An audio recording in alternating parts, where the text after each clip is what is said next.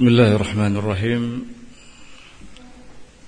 الحمد لله والصلاة والسلام على رسول الله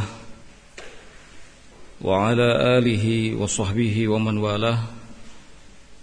وأشهد أن لا إله إلا الله وحده لا شريك له. وأشهد أن محمدا عبده ورسوله. يقول الله سبحانه وتعالى في كتابه الكريم يا أيها الذين آمنوا اتقوا الله حق تقاته ولا تموتن إلا وأنتم مسلمون. يا أيها الناس اتقوا ربكم الذي خلقكم من نفس واحدة وخلق منها زوجها وبث منهما رجالا كثيرا ونساء واتقوا الله الذي تساءلون به والأرحام إن الله كان عليكم رقيبا. يا أيها الذين آمنوا اتقوا الله وقولوا قولا سديدا يصلح لكم أعمالكم ويغفر لكم ذنوبكم. ومن يطع الله ورسوله فقد فاز فوزا عظيما. أما بعد فإن أصدق الحديث كلام الله تعالى وخير الهدي هدي محمد صلى الله عليه وعلى آله وسلم. وشر الأمور محدثاتها فإن كل محدثة في دين الله بدعة وكل بدعة ضلالة وكل ضلالة في النار إخوتي في الله رحمني ورحمكم الله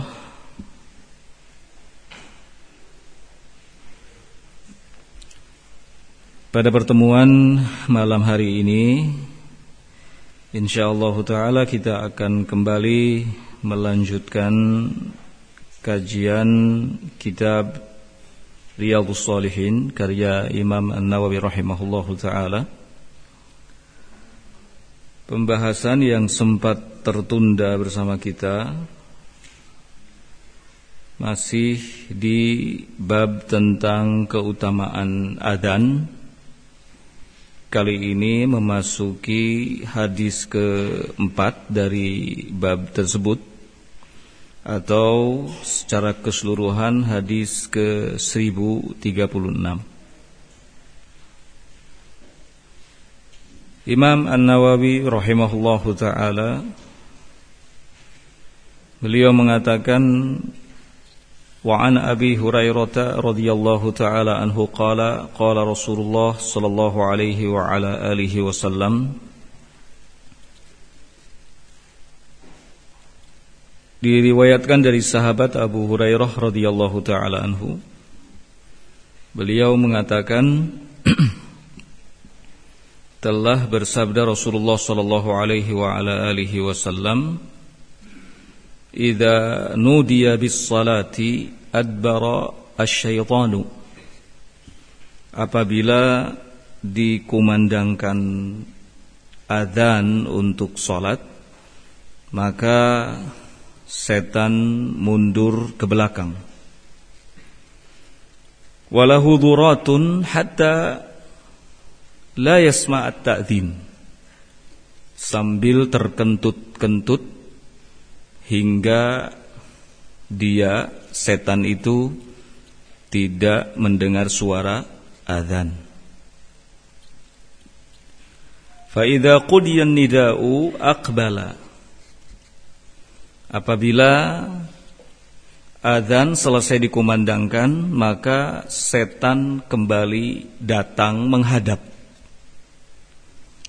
Hatta idha thuwiba lissalati adbaro Hingga apabila dikumandangkan komat untuk sholat Setan mundur ke belakang lagi hatta idza qudiyat tathwib aqbala lalu kalau komat sudah dikumandangkan setan datang menghadap lagi. Hatta yakhtur bainal mar'i wa nafsihi. Kemudian setan membisikkan ke dalam diri seseorang. Yaqulu setan berkata, "Udhkur kada wadhkur kada." Ingatlah ini, ingatlah itu. Lima lam yadhkur min qablu. Perkara-perkara yang sebelumnya orang yang sholat itu tidak ingat. Hatta yadhalla rajul ma yadri kam Sampai-sampai ada seseorang yang tidak lagi ingat sudah berapa rokaat dia sholat. Muttafaqun alaih hadis riwayat Bukhari dan Muslim. Kita baca dulu satu hadis lagi. Hadis yang kelimanya.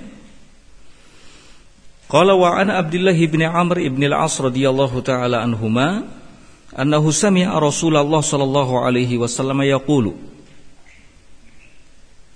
dari sahabat Abdullah bin Amr bin As semoga Allah Subhanahu wa taala meridhai keduanya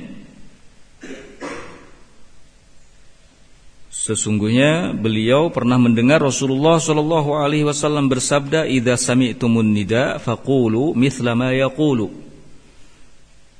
Kalau kalian mendengar suara adzan, maka ucapkanlah seperti yang diucapkan oleh muadzin. Thumma sallu alayya kemudian bersolawatlah kepadaku. Fa innahu man shalla alayya salatan sallallahu alaihi biha asyra. Karena sesungguhnya siapa yang solawat kepadaku sekali Maka Allah akan bersolawat kepadanya sepuluh kali Thumma li al-wasilata Kemudian Mintakanlah oleh kalian kepada Allah untukku wasilah Fa innaha manzilatun fil jannati. Karena sesungguhnya wasilah itu adalah Satu kedudukan yang ada di surga. La tambaghi illa li'abdin min ibadillah. Yang tidak pantas disandang kecuali oleh salah seorang hamba dari hamba-hamba Allah. Wa arju an akuna ana huwa dan aku berharap akulah yang menyandangnya kata Rasulullah sallallahu alaihi wasallam Faman sa'ala liya al-wasilata halat lahu syafa'ah.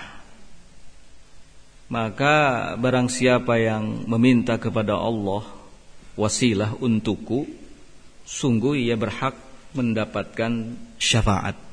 Rawahu muslim hadis riwayat muslim. Ikhwati fillah rahimani wa rahimakumullah dua hadis ini kembali mengetengahkan tentang keutamaan adzan sebagaimana hadis-hadis sebelumnya kalau yang pertama yang tadi kita baca adalah hadis dari sahabat Abu Hurairah.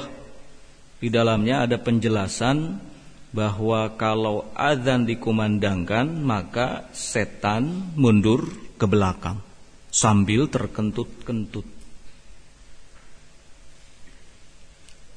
Kenapa seperti itu? Kata para ulama karena setan itu sangat benci mendengar zikrullah sangat tidak suka dengan yang namanya zikrullah.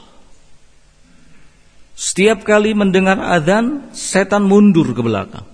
Selesai adzan, datang lagi. Dengar komat, mundur lagi. Selesai komat, datang lagi. Ketika orang-orang sudah mulai sholat, baru setan membisikkan kepada yang sholat itu. Agar orang-orang yang sholat ingat segala macam ingat ini, ingat itu.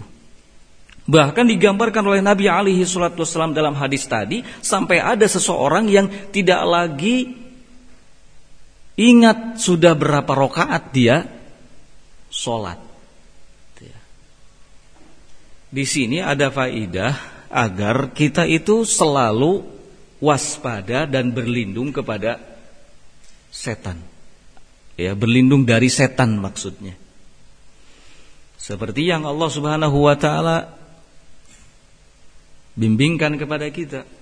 Qul a'udzu birabbin nas, malikin nas, ilahin nas, min syarril waswasil khannas. Qul a'udzu birabbin nas, katakanlah aku berlindung kepada Rabb manusia, malikin nas yang menguasai manusia, ilahin nas, ilahnya manusia, min syarril waswasil khannas dari kejahatan setan yang senantiasa membisikkan. Nah. Dan setan tidak akan pernah istirahat dari menggoda kita setiap saat, setiap waktu setan akan terus menggoda. Ya. Jangankan di luar sholat, kita sedang tidak melakukan sholat. Saat kita sholat, setan tetap membisikkan hal-hal yang membuat kita lupa kalau kita sedang apa? Sholat. Ya. Dan hal yang paling disenangi oleh setan itu adalah kesyirikan. Kemudian kemaksiatan. Allah Subhanahu wa taala gambarkan sekilas sedikit tentang setan di Quran surat Al-Baqarah, "Asy-syaitanu ya'idukumul faqra wa ya'murukum bil fahsya." Setan itu selalu selalu menakut-nakuti kalian dengan kefakiran dan terus menyuruh kalian untuk berbuat apa? keji. Ikhwati fillah rahimani wa rahimakumullah, Syekh Ibnu Utsaimin rahimahullah taala beliau menyebutkan bahwa Nabi alaihi salatu wasallam ingin menjelaskan kepada kita melalui dua hadis yang tadi kita baca ya, tentang dua hal. Yang pertama, bayanu fadlil adzan. Tentang keutamaan adzan. Apa salah satu keutamaannya? Yatrudus syayatin Suara azan itu dapat mengusir apa? Setan. Suara azan dapat mengusir setan. Oleh karena itu, wajar jika banyak dari kalangan para ulama yang mengatakan kalau ada anak yang baru dilahirkan, maka mesti diadani. Tujuannya apa? Salah satunya adalah setan terusir. Sebagian yang lain ada yang mengatakan harus diadani agar apa? Agar suara yang pertama didengar oleh anak itu adalah zikrullah.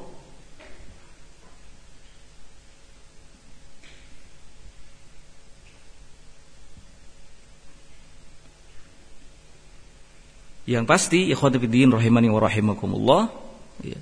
Sekali lagi suara azan dapat mengusir setan.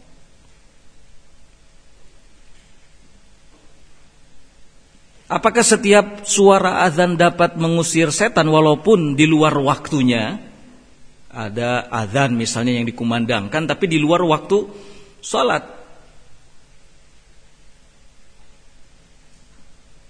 Para ulama tidak menjelaskan secara detail soal ini. Bahkan Syekh Ibnu Utsaimin rahimahullahu taala sendiri mengatakan wallahu taala a'lam.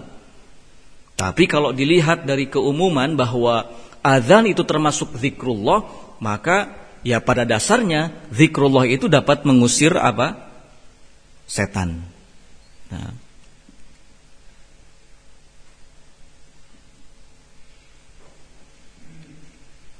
Jadi keutamaan yang pertama azan dapat mengusir apa? setan. Apalagi kalau yang azan itu ahli tauhid. Kalau yang azan itu ahli tauhid, setan itu ketakutan Karena mungkin saja ada orang yang mengatakan ada yang kesurupan di samping masjid. Adzan setiap saat dikumandangkan, tapi kesurupan makin macet. Makin menggila kesurupannya. Mungkin saja yang adzannya bukan ahli tauhid. Kalau yang azannya ahli tauhid, maka suara azan itu sangat berpengaruh sekali terhadap setan. Takut setan itu mendengar suara azan. Nah, jelas sekali kok Nabi alaihi salatu wasallam menyatakan dalam hadis ini, "Idza nudiya bis apabila adzan dikumandangkan di waktu salat ya, atau untuk menegakkan salat, maka adbara Asyayatin, setan-setan itu mundur ke belakang. Ya.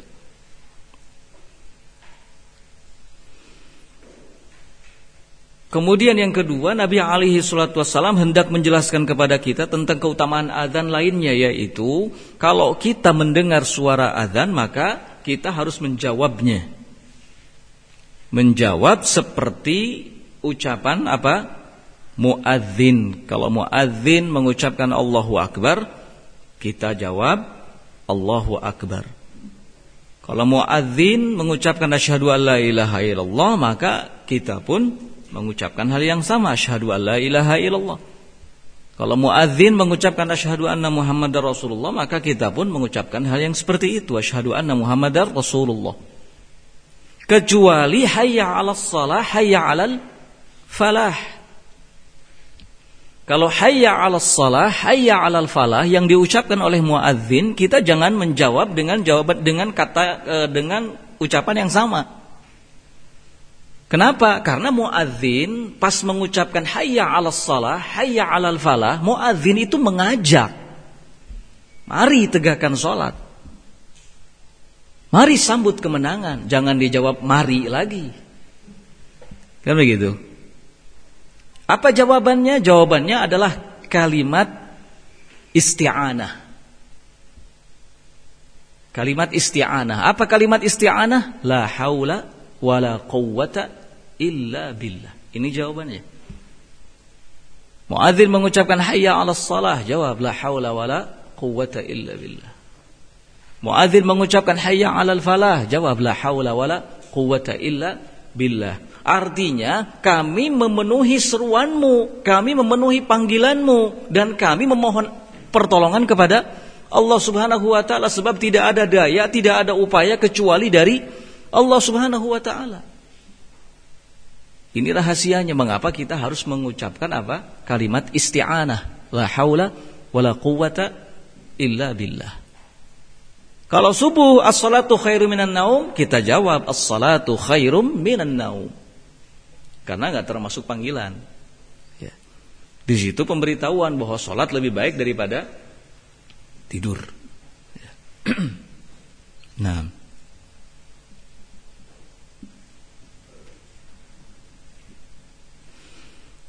Kemudian hal lain yang penting untuk disampaikan di sini adalah al-wasilah. Nabi Shallallahu Alaihi Wasallam dalam hadis tadi ya, menyebutkan kalau kalian mendengar azan maka ucapkanlah seperti ucapan muadzin kemudian bersolawat kepadaku ya karena barang siapa yang bersolawat sekali kepadaku maka Allah akan bersolawat sepuluh kali kepadanya. Kemudian kata beliau Shallallahu Alaihi Wasallam, mintalah kalian kepada Allah wasilah untuk siapa? Untukku kata beliau. Apa yang dimaksud dengan wasilah? Yang dimaksud dengan wasilah adalah manzilatun fil jannah. Kedudukan yang ada di surga. Kedudukan yang ada di surga. Sebab kata Nabi, nggak ada yang pantas menyandang kedudukan itu kecuali hamba dari hamba-hamba Allah dan aku berharap untuk menyandangnya. Dan beliau Shallallahu Alaihi Wasallam memang menyandangnya. Nah.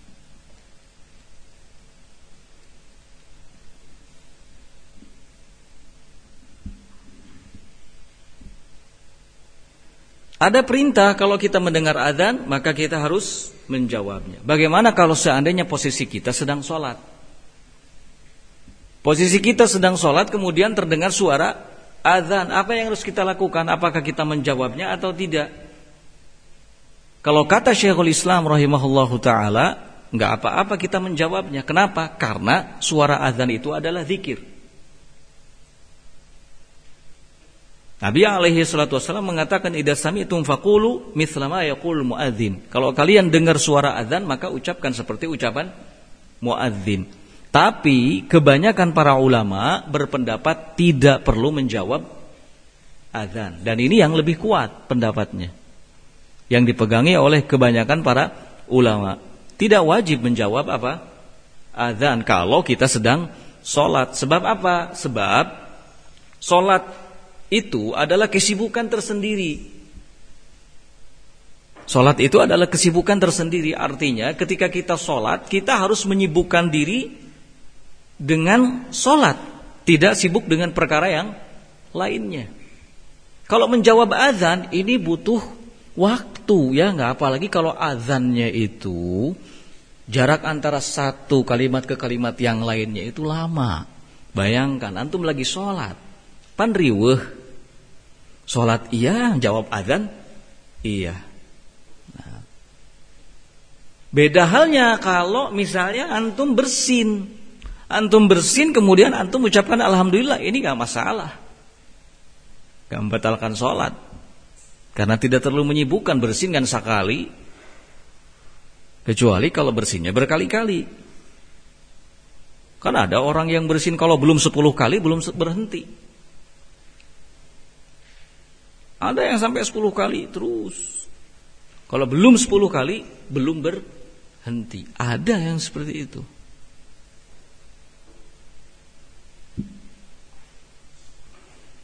Ya kalau bersin sekali kemudian latah kita sendiri mengucapkan alhamdulillah, insya Allah nggak masalah, nggak membatalkan apa?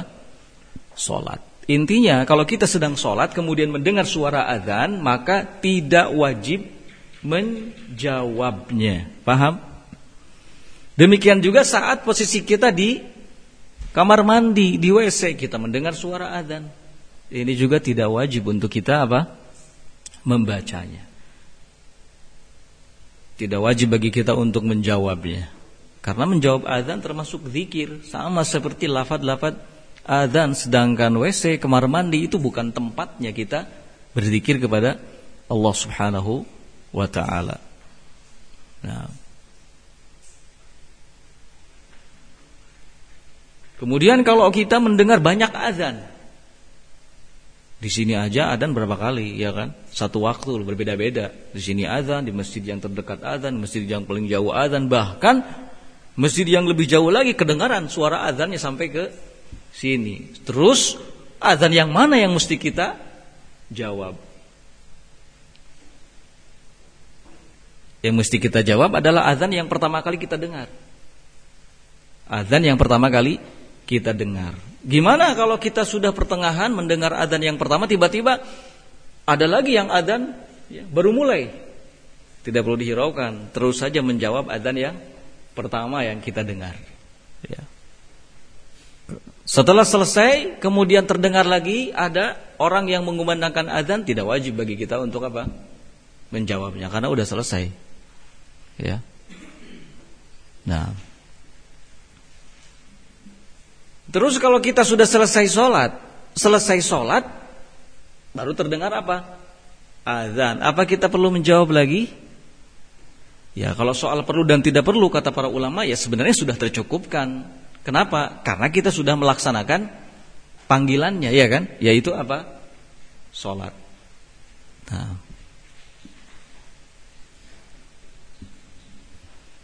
Ikhwati billah rahimani wa rahimakumullah. Faidah lain yang perlu disampaikan di sini adalah bahwa hadis tadi, hadis sahabat Abu Hurairah tentang setan yang mundur ke belakang sambil terkentut-kentut ketika mendengar suara adzan, ini menjadi dalil bahwa setan itu ada wujudnya. Sekaligus sebagai bantahan kepada orang-orang yang punya pemahaman bahwa setan itu nggak ada bentuknya, nggak ada wujudnya. Salah ya. Setan itu ada wujudnya. Makanya ada kentutnya. Mendengar adzan, lari, mundur ke belakang. Sampai terkentut-kentut karena nggak suka, takut dengan suara apa? Adzan. Ini menunjukkan bahwa setan itu ada wujudnya. Seperti apa wujud setan kita nggak pernah tahu. Wujud aslinya karena Allah Subhanahu wa taala telah berikan kemampuan kepadanya untuk berubah-ubah wujud. Jadi kita nggak bisa memastikan ini wujud setan seperti ini, seperti ini, seperti enggak. Belum tentu yang kita lihat itu adalah wujud yang sebenarnya dari setan. Karena Al-Quran pun sudah memberitahukan kepada kita bahwa kita nggak akan pernah bisa melihat mereka dari satu tempat, sementara mereka bisa melihat kita. Kalaupun kita melihat sesuatu yang aneh itu bukan wujud aslinya. Ya. Nah, ular hitam disebut setan oleh Nabi. Anjing hitam disebut setan oleh Nabi. Ya kan? Memang Allah Subhanahu wa taala beri kemampuan setan untuk berubah-ubah wujudnya.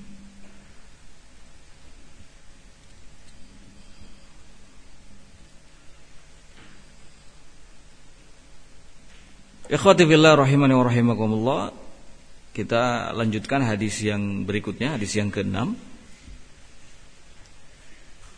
Qala wa an Abi Sa'id Al-Khudri radhiyallahu taala anhu anna Rasulullah sallallahu alaihi wa ala alihi wasallam qala idza sami'tumun nida faqulu kama yaqulul muadzinu muttafaqun alaihi Hampir sama isi hadisnya dari sahabat Abu Sa'id Al-Khudri radhiyallahu taala anhu bahwasanya Rasulullah sallallahu alaihi wasallam bersabda kalau kalian mendengar adzan maka ucapkan oleh kalian seperti ucapan muadzin artinya jawab adzannya. Seperti yang telah dijelaskan tadi. Ya.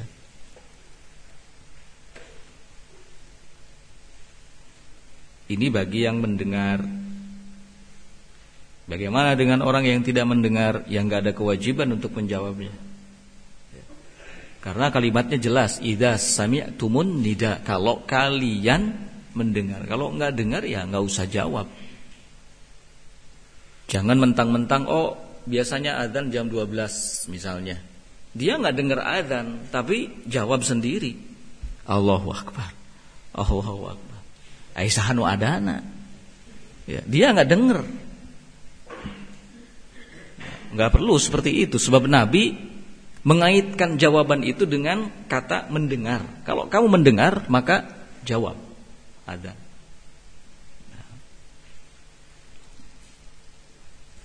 Jelas ya? Kemudian hadis yang ketujuh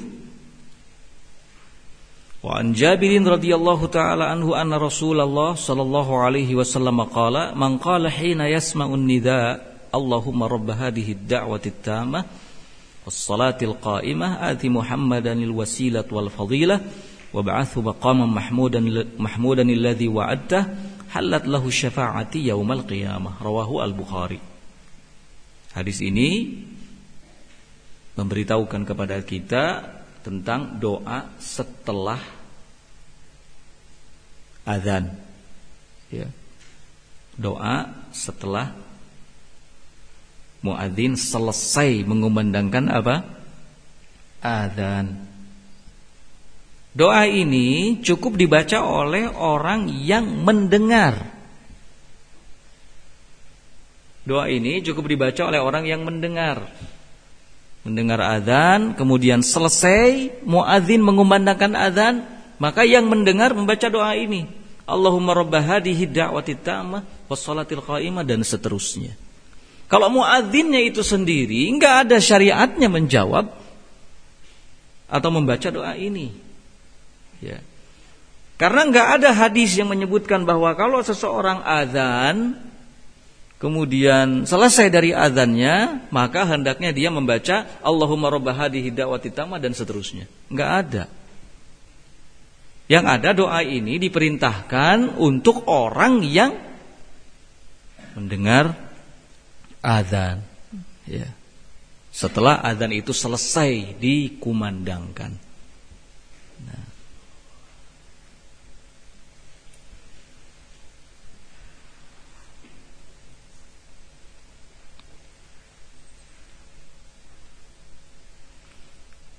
Kemudian hadis yang ke-8 qala wa an Sa'ad bin Abi Waqqas radhiyallahu taala anhu anin Nabi sallallahu alaihi wasallam annahu qala Man qala hina yasma'ul muadzin ashhadu an la ilaha illallah wahdahu la syarika lah wa ashhadu anna Muhammadan abduhu wa rasuluh.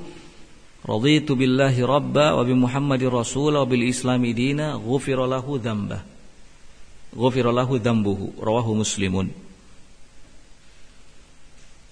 Dari sahabat Sa'ad bin Abi Waqqas radhiyallahu taala anhu dari Nabi sallallahu alaihi wasallam beliau bersabda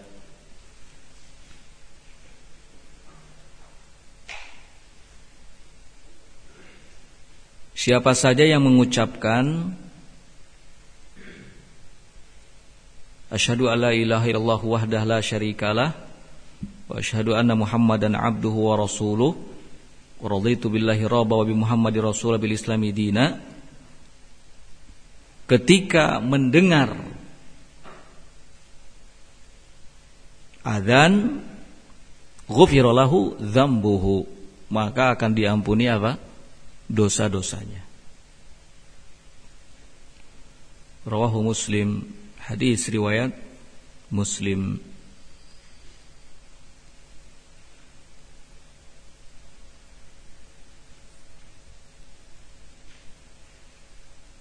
Ini kaitannya sangat erat dengan hadis yang ke lima dari sahabat Abdullah bin Amr bin As tadi. Kalau kalian mendengar suara adzan maka ucapkan seperti ucapan muadzin kemudian bersolawatlah kepadaku. Ya, bersolawatlah kepadaku. Baca solawat dulu, baru kemudian baca doa Allahumma rabbah hadhihi da'watit tamah dan seterusnya. Ya, baca salawat Allahumma salli ala Muhammad atau asyhadu an la ilaha illallah wahdahu la syarikalah dan seterusnya. Sebelum Allahumma rabb hadhihi da'watit tamah dan seterusnya.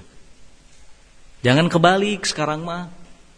Muadzin teh sebelum mengumandangkan adzan kalah ka salawat heula. Ya. Sebelum adzan salawat dulu. Enggak, enggak ada syariatnya seperti itu. Ya. Salawat itu malah justru disyariatkan kepada orang yang mendengar apa? Adzan. Ketika adzan itu selesai dikumandangkan, salawat. Baru kemudian doa Allahumma rabb hadhihi da'watit tamah was salatil qa'imah dan seterusnya. Nah, Hadis yang kesembilan qala wa an Anas radhiyallahu taala anhu qala qala Rasulullah sallallahu alaihi wasallam ad-du'a la yuraddu bainal adzani wal iqamah rawahu Abu Dawud wa Tirmidzi wa qala haditsun hasanun. Dari Anas radhiyallahu taala anhu beliau mengatakan Rasulullah sallallahu alaihi wasallam bersabda Doa tidak akan ditolak jika dipanjatkan antara adzan dan iqamah selesai adzan kemudian baca doanya kemudian berdoa meminta kepada Allah Subhanahu wa taala sesuai dengan hajat kebutuhan kita ya. Sambil menunggu apa? Iqamat di kumandangkan nah doa yang di saat itu dipanjatkan kepada Allah Azza wa Jal la yurad tidak akan ditolak. Artinya kemungkinan besar diijabahnya itu sangat kuat. Ya. Dan kita memang diperintah untuk bersungguh-sungguh mencari saatul ijabah. Waktu-waktu di mana doa itu diijabah. Gak masalah kita memang berdoa di setiap waktu, tapi khusus waktu-waktu mustajabah itu yang harus diprioritaskan.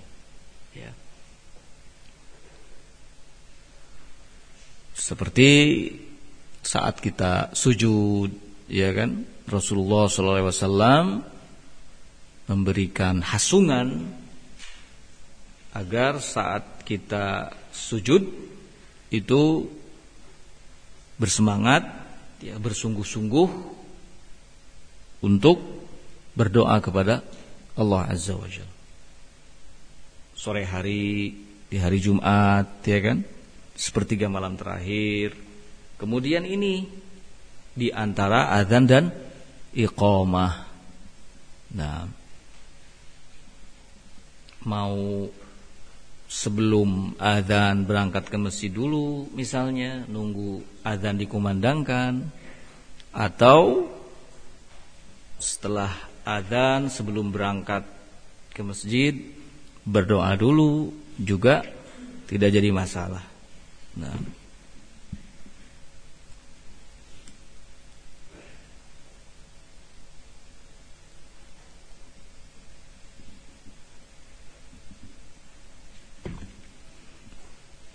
Ikhwati fillah rahimani wa rahimakumullah. Hadis-hadis tadi sangat jelas dapat kita pahami. Dengan itu kita selesai dari bab fadlul adzan. Bab tentang keutamaan adzan.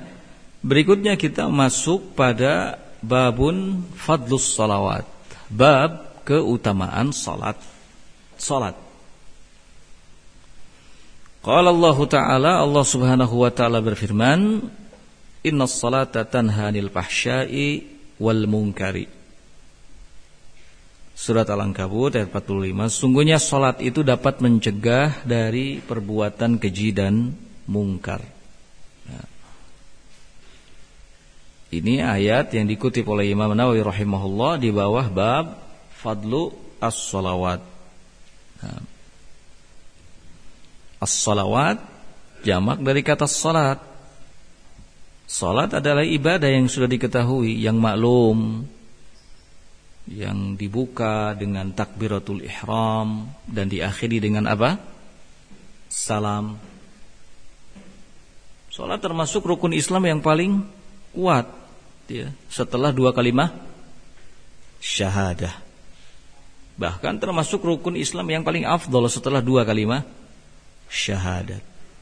Nah, karena sholat adalah hubungan antara seorang antara seorang hamba dengan Robnya.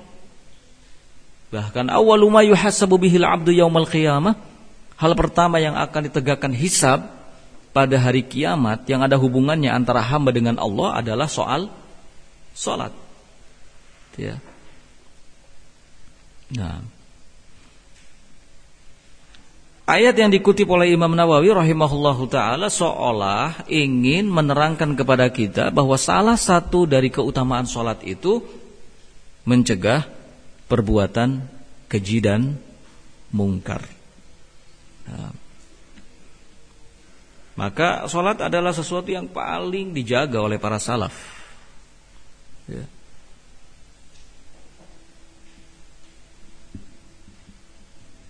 Sholat adalah sesuatu yang paling diperhatikan oleh para salaf.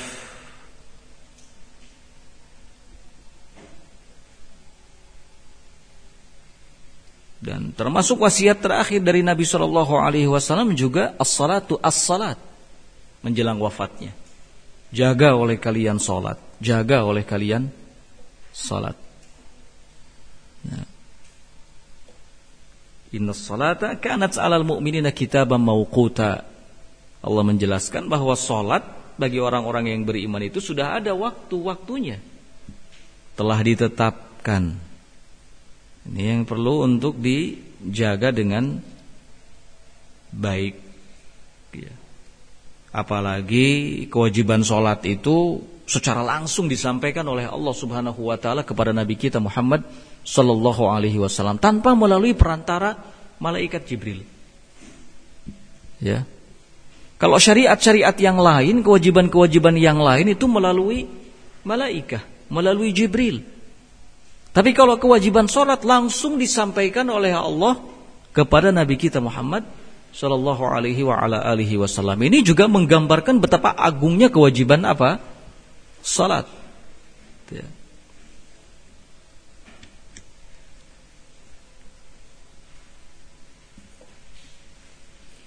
Hadis pertama dari bab ini Qala wa an Abi Hurairah radhiyallahu taala anhu qala sami'tu Rasulullah sallallahu alaihi wasallam yaqulu. Dari sahabat Abu Hurairah radhiyallahu taala anhu beliau mengatakan saya pernah mendengar Rasulullah sallallahu alaihi wasallam bersabda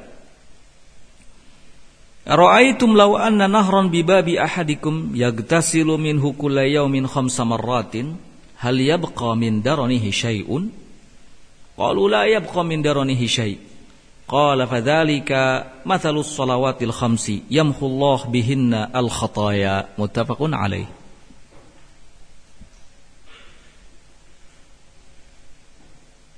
Bagaimana pendapat kalian kalau seandainya ada sungai tepat di muka pintu rumah salah seorang di antara kalian.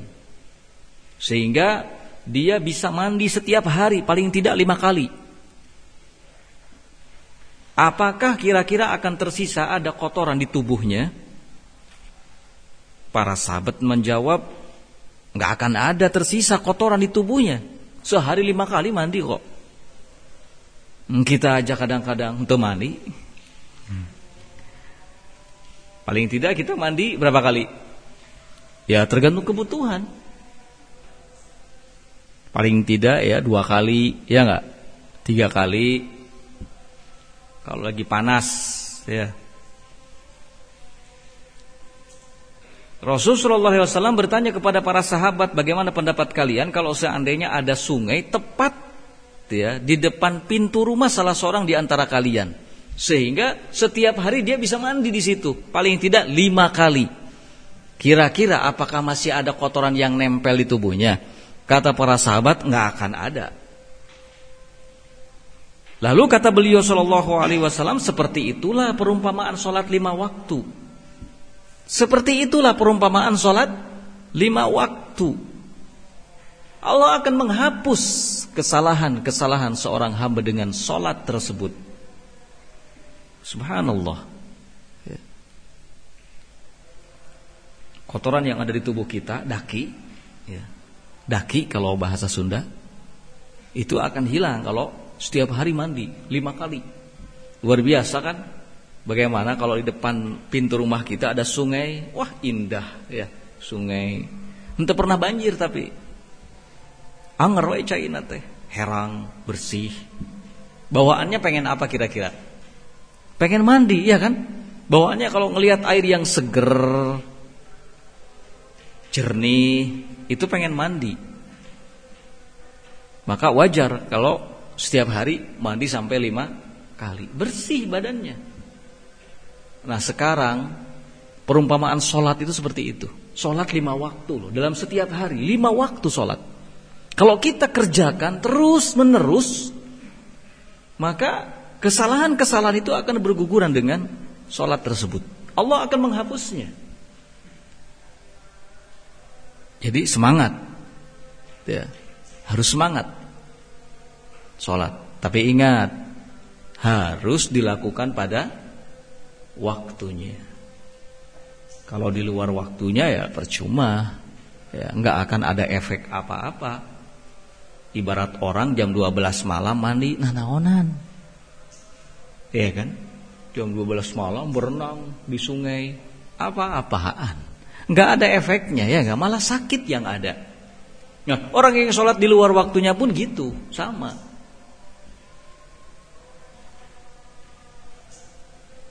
Di luar waktunya sholat. Nggak ada efeknya. Ya. Nggak ada pengaruhnya sama sekali. Malah jadi dosa. Ya. Nah. Wa rahimakumullah. Kita cukupkan dulu sampai di sini. Subhanakallahumma bihamdika asyhadu an la ilaha illa anta astaghfiruka wa atubu ilaik. Walhamdulillahi rabbil alamin